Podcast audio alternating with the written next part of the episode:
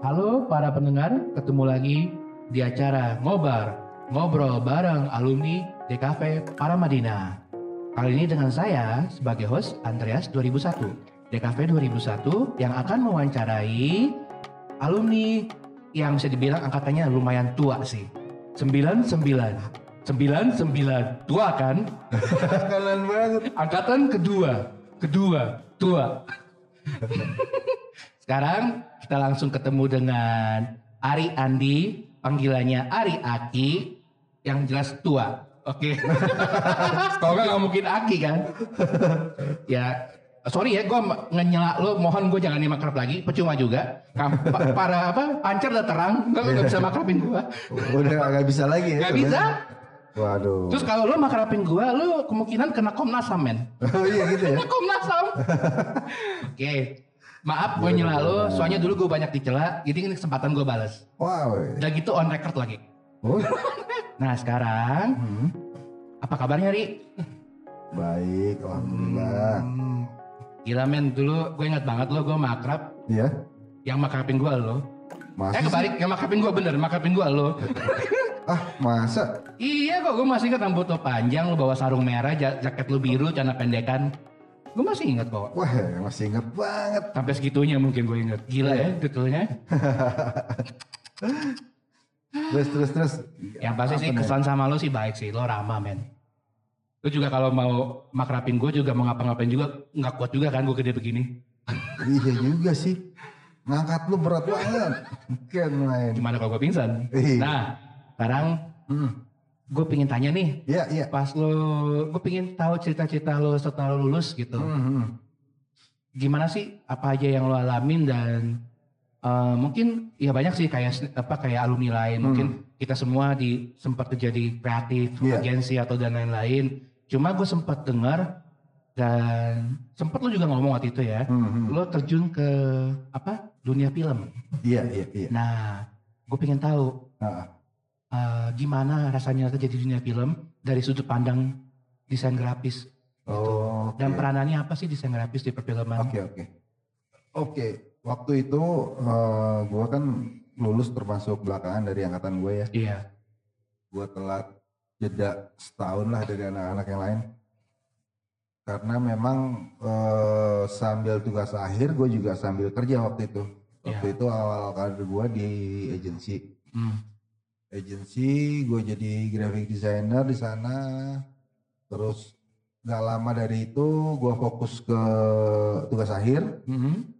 tugas akhir nggak lama dari situ saya gua kerja di mana tuh ya waktu itu ya oh sebelum itu malah gua sempat bikin project-projectan lah sama teman-teman kampus juga alumni juga ah, alumni juga project-projectan bikin apa studio desain lah Mhm. terus sempat juga main sablon Iya, gua tahu banget gua. kaos ya Heeh.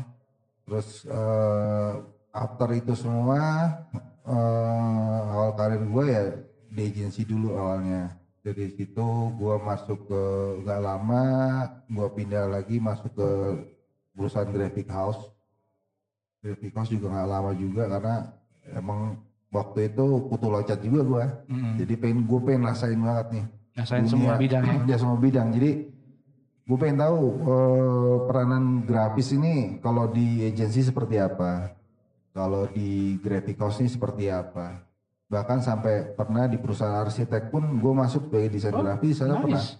ternyata ada juga fungsinya maksudnya waktu itu kebetulan mm, gua ngerjain sama teman kantor gua tuh menggarap Head- Hedge Tower kalau lo tahu rumah sakit MMC Iya. sampingnya ada apartemen kan tuh Oh. H, H- hurufnya H Iya, iya, Tower iya, iya. nah itu salah satu proyek gua waktu di perusahaan arsitek termasuk itu ada sound system untuk di buildingnya sendiri Jadi itu portfolio lo ya. Kita bisa lihat ya kurang lebih lah Wow. terus eh, dari situ gua sempet lagi masuk ke dunia apa tuh ya maksudnya agensi lagi pokoknya eh, tidak berapa kali gue masuk agensi habis agensi agensi terakhir yang gue ketemu lo tuh Iya, oh di ya.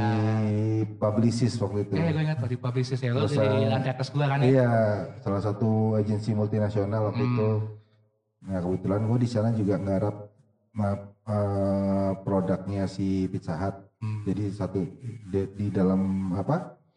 Di dalam Publicis itu ada grup studionya. Jadi Oh. ada bagian studionya memang khusus. Jadi lemparan-lemparan dari tim-tim lain tuh untuk ngerjain grafisnya. Jadi di situ kalau nggak salah kliennya itu Nestle, Nestle itu juga Gede loh. wah terus Pizza Hut, terus Garnier ya kalau salah Gar- Gardi Garnier, Garnier, Garnier, Garnier Garnier. ya.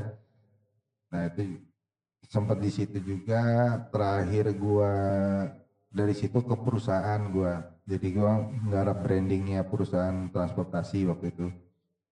Nah di situ gua, nah di situ sangat gue peran berperan banget lah dari jadi nge-branding awal dari dia punya logo awal, gua redesign, gua rubah semua sampai eh, branding ke unitnya dia juga gue branding semua. Jadi Jadi dikasih proper. company company brandingnya gue rubah semua. Jadi gue bikin lebih lebih eksklusif lah, lebih menarik.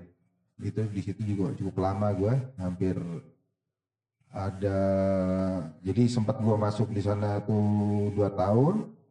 Gue sempat keluar, masuk agensi yang gue ketemu lo. Hmm. Gak lama gue balik lagi, di, masuk ke sana lagi.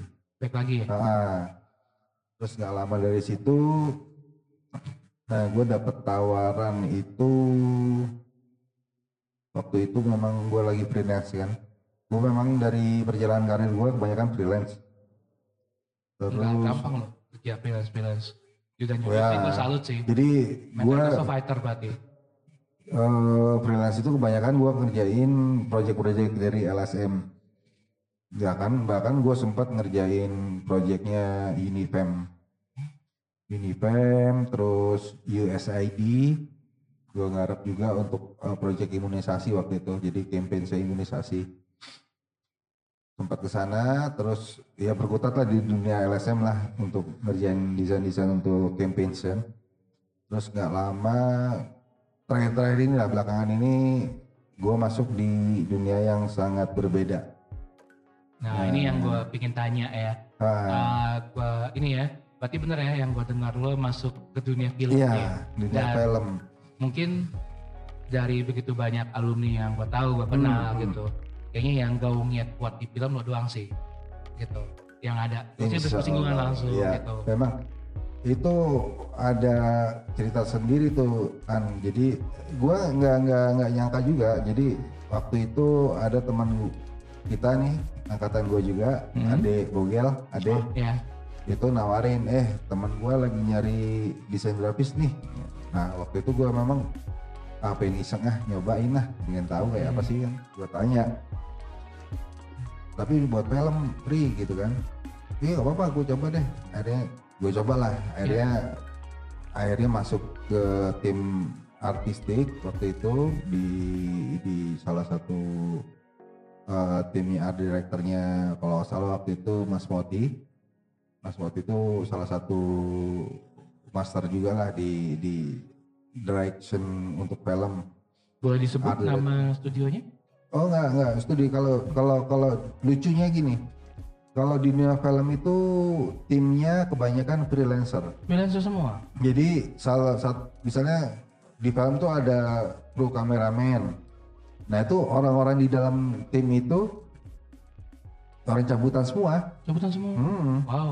Jadi ada asisten kameramennya, gitu. tapi bosnya siapa sih kameramennya, si bosnya. Oh. Dia yang nyari ngerekrut asistennya orang bagian apa eh, ngurusin lensa, ngurusin lighting, gitu. Ada bos-bosnya. Jadi kalau di Koordinator lah ya. ah kalau di di gua bos gua ada director.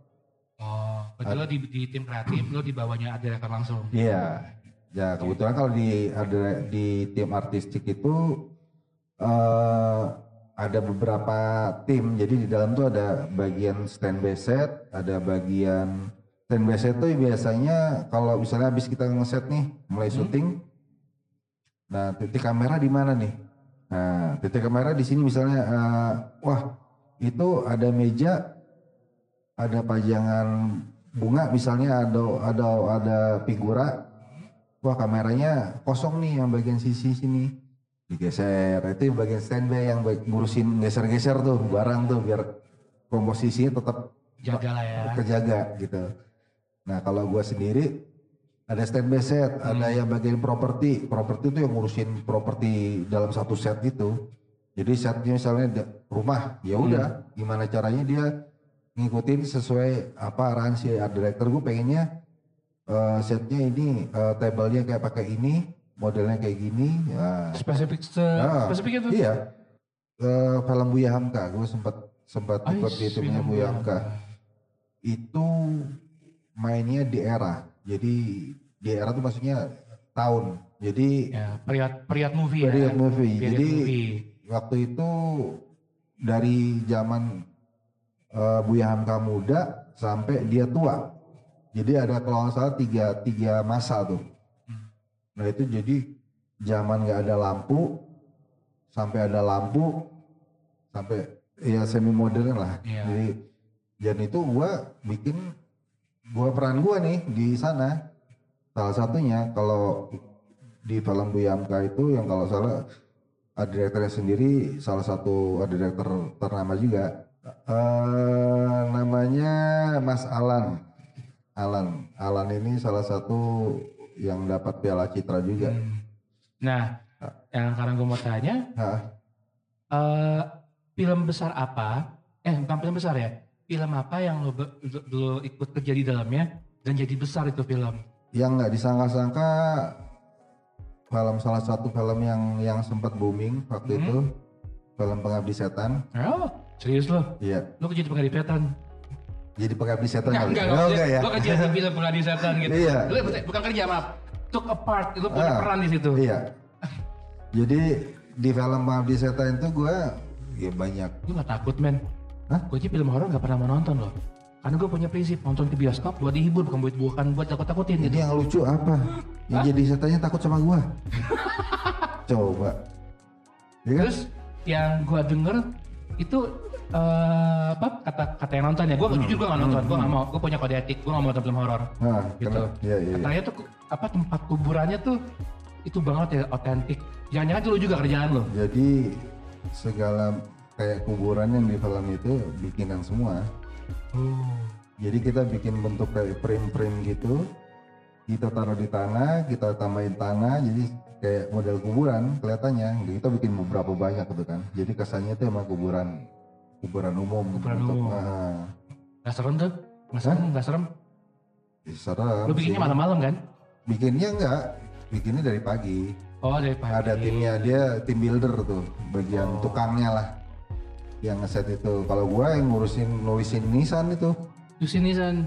kan ada Nissan ya tuh, nah tuh bikin Dan nama sesaat nama. lo jadi kaligrafer gitu Bapak Tunisan. Kaligrafer Bapak Tunisan. Nah itu bikin namanya juga kan, gua cutting satu-satu nanti di disemprot tuh pakai pilot tuh. Harus di dikatin nggak? Print aja gitu? Kalau kok itu kan nggak ke data natural. Oh oke oke. oke. Jadi bikin desain grafis ya grafis itu kalau di film senatural mungkin. Jadi kita Hmm. bikin efeknya juga maksudnya kayak film Buya enggak efek koran gitu ya. Iya. Bikin koran zaman dulu ya kita bikin pakai kertas bahan yang Sama sudah persis. menguning. Oh. Gua cari, gua ngeprint, print. Jadi bahasanya bahasa Belanda. oh. Ya itu, gua gua cari bahasa Belanda yang ya kan juga nggak kelihatan detail kan kecuali nanti kalau ada salah satu shot yang emang zoom in gitu kan Baru dibikin baru ya. dibikin real Nah terus eh, set rumahnya itu nah, itu jujur sih di mana sih? itu di? Pengalengan Pengalengan. jadi salah satu Pengalengan tuh. Jawa Barat Bandung ke atas lagi Oh. Oh, keluar oke. keluar Bandung malah keluar Iya, iya. Bandung nah itu itu memang rumah tua dari zaman Belanda sebenarnya Lu- Oh, jrit. Rumah angker tadi. Iya. Enggak, lu gini, lu mau bikin rumah angker di tempat yang udah angker. Memang emang seril mungkin seril mungkin sebenarnya. Men, kalau gue jadi hantu di situ tau nggak? Anjir di tempat udah serem, masih aja orang berani cari uang lagi. Kita nggak dapat apa-apa. nah itu tantangannya ada sesuatu cerita yang menarik kan di situ ketika Iya, kita- pasti film horor ada ada adanya gitu. Iya. Jadi sereal mungkin. Jadi kita cuma ngeset misalnya ada di situ kan kalau salah di filmnya ada wallpapernya itu itu emang kita masak tapi habis dipasang tuh kita dikasih efek eh, itu udah udah lembab udah apa kita iya, bikin iya, gitu. iya, iya. warna kita nanti udah dicat nih udah rapi nih Heeh. di edging diwarnain warna kusam ditimpa kayak gitu jadi sedetail itu Terus Seru, kan? sampai sampai gue bikin apa tuh waktu itu ya buku ini buku SD tuh I- buku ini Budi yang covernya jadul banget Ah. gue bikin kayak gitu Jujur sih gue gak nonton jadi gak tahu tuh buku Budi gimana. nanti abis Bukunya ini lu bikin bukunya lu bikin horor gitu. abis enggak? ini nih abis ini lo nonton ya Enggak, enggak, enggak, enggak. Men, gini ya, gue kalau nonton film horor, Ah. gue agak buka aib sih ya. iya Gue kalau nonton film horor, gue kalau scare, gue suka auto refleks meluk orang. oh jadi berarti lo kalau nonton Lu tahu nggak film ini, film apa? Film apa dulu tuh? Film yang Insidious. Gue Iya, iya, nonton iya. berempat sama sepupu gue nih. Hah? Tiap kali jump scare gue, gue meluk siapa gitu, Bener. takutan. jadi saudara lu remuk lo Hah? remuk juga Ya patah tulang sih. Enggak, jujur gue film horor gue gak mau nonton. Gue keluar duit, gue mau terhibur, mau mau tenang, mau have fun, mau ada apa, mau jadi hopeful lagi. Terus gue nonton ketakutan, why? gue belajar banyak dari art director ya salah satunya yang menciptakan yang mendirect untuk film eh, Pengabdi Setan sama Bu Yamka. Itu eh, Mas Alan Bastian. Gue cukup di mentor banget di situ emang orangnya tegas banget kan.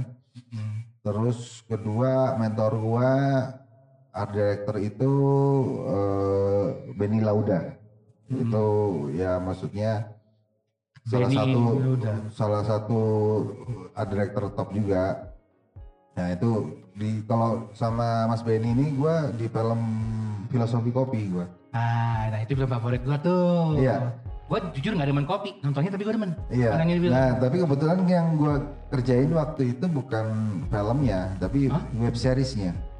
Oh, web series yang... Web series yang, kedua. Oh, yang kedua. Jadi yang pertama kan udah ada, kalau kita lihat di YouTube tuh ada Iya, iya, web iya. series pertama. Web series kedua itu adanya di salah satu aplikasi Goplay. GoPlay. Oh.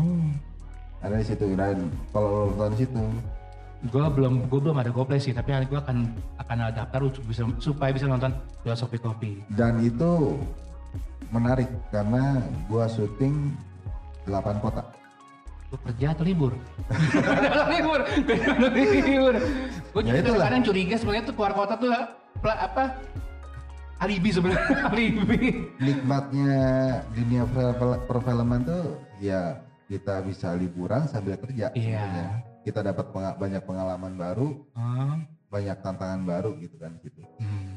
Itu selama proses film itu bisa lo bayangin, gua dari Bali ke Surabaya, dari Surabaya lanjut lagi tuh ke Jogja, Solo, ke Tegal, eh nggak ke Tegal, ke beberapa kota di Jawa Tengah, terus terakhir Jakarta, terus Bandung.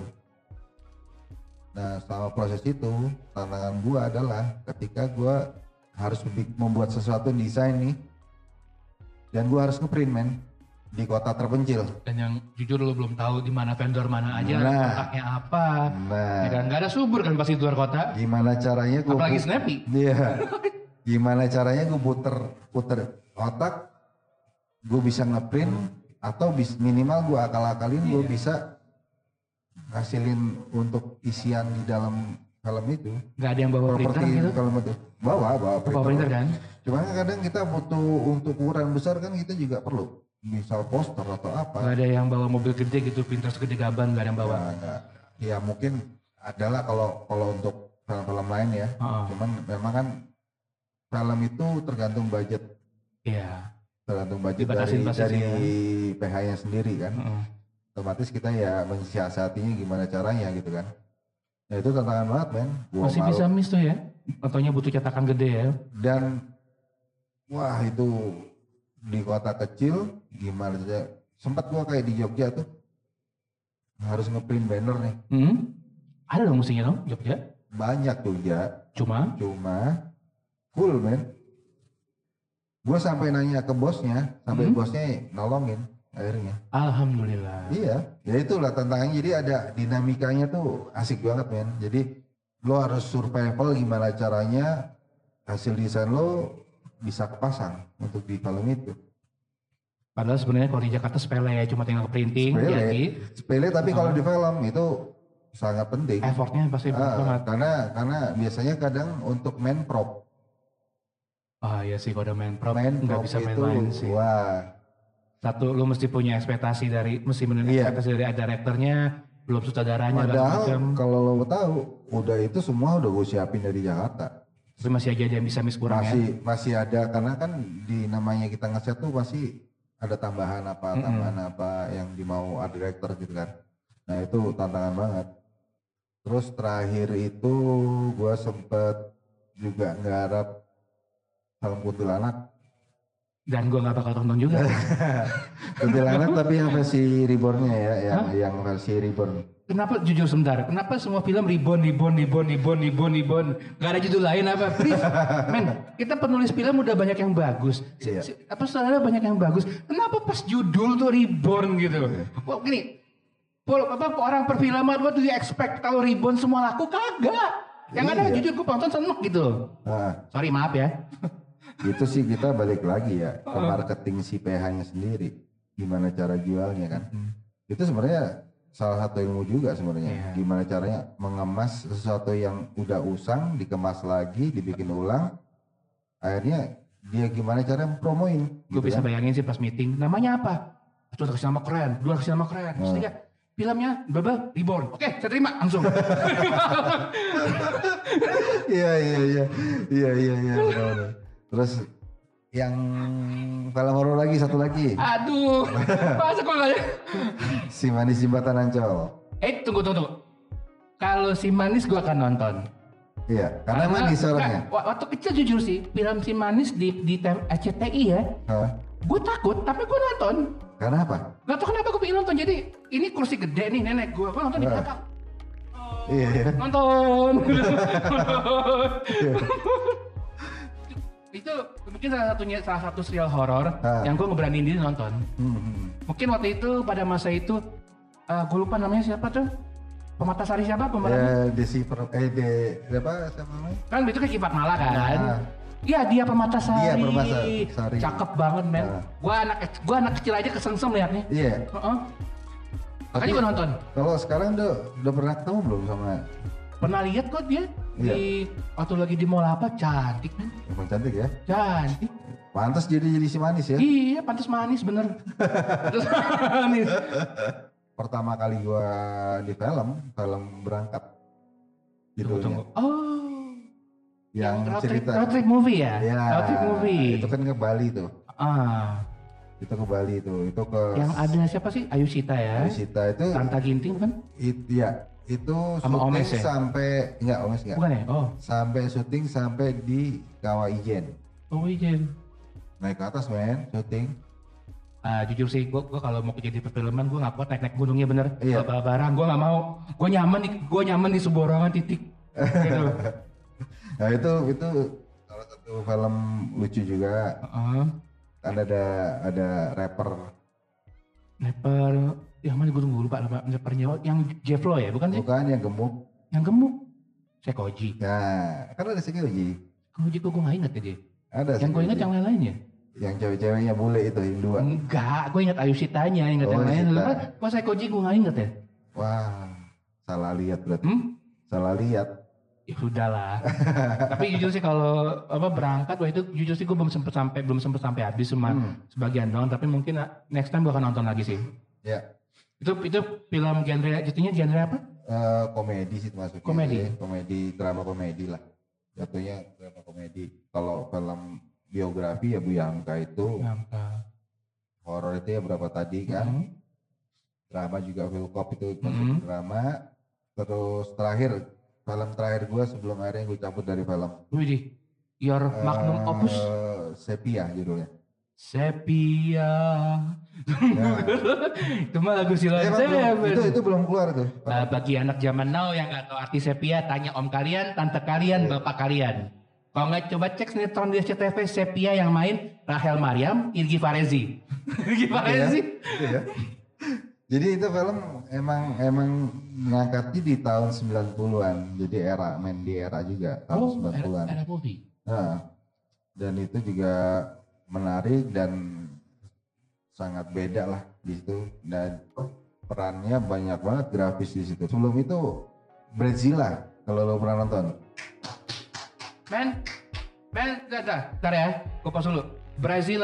Itu salah satu film, itu film kedua Hah? yang punya witty line yang sam- sampai sekarang di pala gue, di pala gue tuh na- nan- nancep. Nah, Kalau film pertama, lo Hah? tahu Coka Strawberry. tahu tahu tahu. Tahu nggak itu line paling bagus apa? Apa tuh? Yang buat kan Upi, Avianto kan? Iya. Line paling the bestnya lebih baik gua negatif thinking kan dibanding gua positif hamil. Iya, iya. Iya, iya. ya kan? Iya, iya. iya. Kalau di film Brazila, Hah? the line yang paling panci dilihat gini, Hah? Are you nuts? Hah? Oh, Are you nuts? Iya, iya, iya, iya. Itu wit- itu witty man. Lu trailernya aja tuh gue liat itu, must watch movie. Hah? Ya, mau orang ngomong bilang ke Jakarta Selatan, Jakarta Selatanan, Hah? ya, whatever. At least ya. At least the movie is good, Iya, iya, iya, iya. ya kan? Itu sebenarnya film tadinya film itu dibikin untuk web series. Entah mengapa akhirnya sama PH-nya dijadikan film sebenarnya. Uh, wise move sih. Nah, jadi emang lucu-lucuan lah sebenarnya. Ah, Dari project-project lucu-lucuan gitu. tapi kalau mau dibikin web series lagi, cerita ceritanya nyambung, why not? Yang menarik di film itu gua ada satu set di mana perusahaan majalah kan kalau salah ceritanya. Ya, gue tau, tau, tau. Nah. Yang itu kan yang pemimpinnya Widiawati. Ya. Oh. Nah itu kan kalau lo perhatiin di belakangnya ada poster-poster wedding apa tuh? Ya, oh majalah-majalah wedding gitu. Nah itu covernya gue semua poster-posternya ya itu sampai yang nama kantor itu yang pakai lampu itu kan bikin juga. Gile, gue nonton di film yang ada lu, ntar nggak langsung sih. nggak langsung. Tapi ada di Pilkop gue nongol Apa? di Pilkop web series entah dimasukin apa enggak ya? Oh. Brazil bagus kok. Itu film bagus banget sih gue bilang. Terus yang asik lagi, gue pernah syuting sampai ke Sumba. gue dengar sih, gue liburan ke Sumba. Gue gak denger liburan ke Sumba. Iya. Gue denger liburan ke Sumba. Film apa? Kalau lo pernah dengar Susah Sinyal, Ernest Prakasa, nah gue salah satu tim art- artistiknya di situ. Itu film bagus men, seriusnya bagus. Bagus. Nangis nggak lo nonton itu? nangis men. Iya ya. Kalau gue disuruh bikin review, gue cuma tulis bagus, titik, selesai. Apa yang lo lo ambil dari film itu? Apa ya? Eh gue sih, gue sih sekarang gue belum berkeluarga segala macam Hmm. gitu. Cuma itu film ngajarin pentingnya komunikasi sih. Iya. ya kan mau antar generasi seperti apa Hmm. saling ngerti seperti apa gitu loh ada hal yang kita nggak bisa selamanya kita harus kita apa kita nggak bisa selamanya semua kita hukum kita harus bisa lepas lepas dikit nanti itu juga akan balik gitu Iya ya. put, put trust on other people juga kan itu kan kisah ibu sama anak kan Iya. Ibu sama anak gitu itu yang ditinggal nenek yang neneknya yang sayang banget sama cucunya kan. ya Kan ada piring yang pecah kan? oh piring pecahnya lo tuh Bukan juga jadi piringnya. itu kan piring lo perhatiin, piring kan ada fotonya. Oke oke oke oke Itu peran gra- grafis salah satunya di film itu. Ah. Bikin sesuatu yang yang jadul tuh lo bikin lagi nih, create lagi gimana caranya? Itu bisa nggak sih lo masukin di portfolio apa di CV yang bikin film apa yang bikin piring pecah berapa film apa gitu Enggak enggak. Paling ya ya kalau di portfolio paling ya pernah di, Di film apa ya? produksi film apa. Hmm.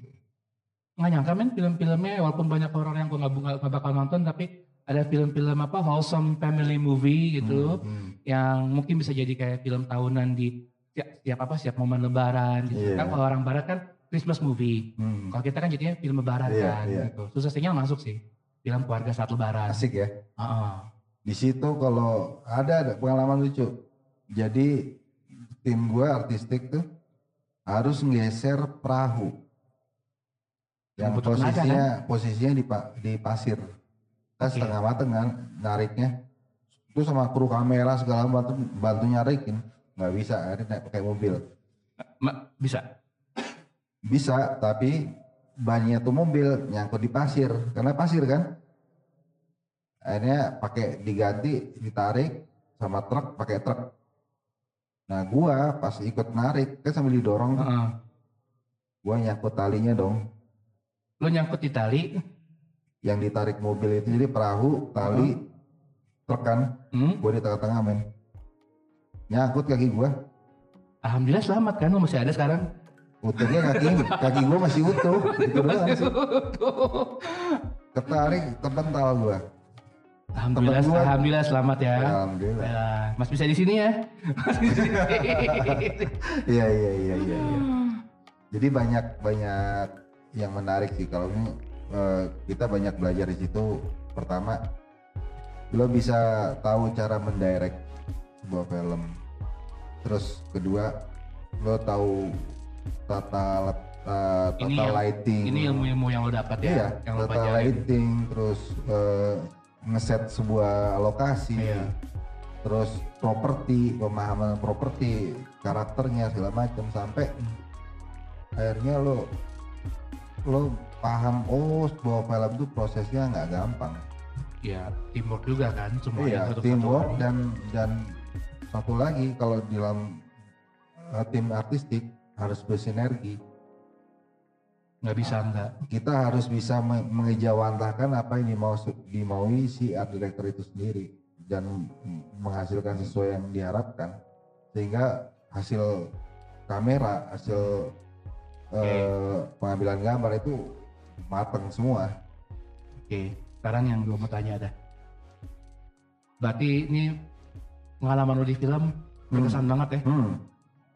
alhamdulillah sangat Momen manis semua ya, pembelajaran semua ya. pahitnya juga banyak sih Ya bu, kru-krunya juga ada lah ya. Cuma diomelin art director pun pernah nah, tapi kalau ya itu satu satu lagi kalau lo mau masuk dunia film lo harus kuat mental bukannya di mana pun juga sama kan? Untuk film Eh, lebih ekstra ya di film ya. Kalau di film lu cobain aja ya, mau. Gue kurus nggak kalau masuk situ? Jadi wah kalau di di namanya di film mental lu sangat di, di- Ya sih. Terlatih banget untuk jadi bubble. Soalnya lu banyak Jadi lu banyak lu banyak di lapangan sih ya pasti ya. Iya dan kedua namanya syuting kan sampai pagi sampai Mm-mm. pagi dan ada rasa lelah terus kadang ya namanya antar teman atau sama bos sendiri kadang kita gontok-gontokan gitu kan wajar. Iya. Jadi Tapi kan tujuannya sama kan. Iya. Bikin film jadi, jadi film terbaik the Iya. lah. Tapi ya setelah itu selesai ya udah gitu biasa lagi lucu men Hmm. Yang kayak Pak Bos ajarin kan. Di dalam dalam luar luar gitu. Jadi Iya. jangan dicampur ajukin gitu. Iya. yang penting profesional itu Hmm. aja intinya jadi Nah. apa pun profesi selama kita bisa pro- eh, berusaha untuk profesional ya ibaratnya kalau diopelin lah masuk kiri luar kanan lah yang Iya. penting kita ambil hikmahnya aja gitu jadi positifnya apa yang bisa kita ambil Hmm. Itu yang kita terapin Nah sedikit tambahan nih buat uh, yang bakal jadi alumni nih adik-adik Hmm, adik-adik junior kita nih gue nambahin dikit ya. hmm, hmm. Kalian nanti kalau masuk dunia kerja please dah sebisa mungkin tahan mental gitu. Kalau kalian bilang ini apa bilang nanti ini keras, anggap aja proses. betul betul Gitu. banget itu Anggap aja proses. Jangan apa jangan merasa down atau gimana. Pendahulu banyak kalau lebih berat lagi lebih banyak. Gitu. sangat dan menurut gua justru latihan dasar untuk kita ngelatih mental adalah di kampus sebenarnya Mm-mm. karena di kampus itu kita pendidikannya gimana Hmm. maksudnya hasil karya lu apa sih gitu ya apa yang bisa lu kadang kan orang oh ngiri oh Mm-mm. gue bisa lebih bagus kadang juga ya namanya berantem sama teman wajar lah di kampus Iya. ya cuman di situ dasarnya kita melatih mental di kampus kedua untuk yang lebih kerasnya lagi ya di dunia kerja Iya. Semakin lo bisa melewati itu, semakin lo mateng sebagai seorang desainer. Thanks banget sih Ri atas waktunya juga. Oke oke. Thank you apa juga. An. eh, cerita-ceritanya dan apa seru sih dengarnya dan mohon maaf sih gue banyak nyela ya kapan lagi gue nyela Iya, on iya. record dan gue nggak diapa-apain dan gue nggak Gitu ya. diapa-apain Nanti habis rekaman kita. Tolong kalau kenapa-napa cari GPS saya GPS saya Iya, iya. eh, untuk nutup ya makasih banget Iya. sekali udah datang di acara ngobar ngobrol bareng alumni di Cafe Paramadina Hmm. terima kasih sudah bagi insight dan Iya. pengalaman Hmm. yang jadi kekayaan konten punya kita nanti ikatan Iya, alumni insya Allah. yang bisa berguna buat sesama alumni Iya. berguna yang bakal jadi alumnus juga para Iya. junior-junior kita Iya. adik-adik kita Betul. gue cuma bisa bilang thank you Ya, from the very bottom of my heart sama-sama. Untuk waktunya terima kasih juga untuk teman-teman ikatan alumni udah dikasih kesempatan buat wawancara mungkin sebenarnya mungkin untuk orang yang nggak tahu si Ari Aki ya mungkin biasa aja sih tapi bagi gue sih is an honor to interview him gitu Thank you. bagi gue Makasih An. Dari apa salah satu senior di masa gua kuliah yang punya yang impresi baiknya nempel di gua ada Ibel salah satunya ada Iya. Ariaki gitu. Thank you. Kita tutup ngobar ngobar ngobrol bareng di cafe para Madinah. Sampai ketemu lagi di lain kesempatan. Dan dah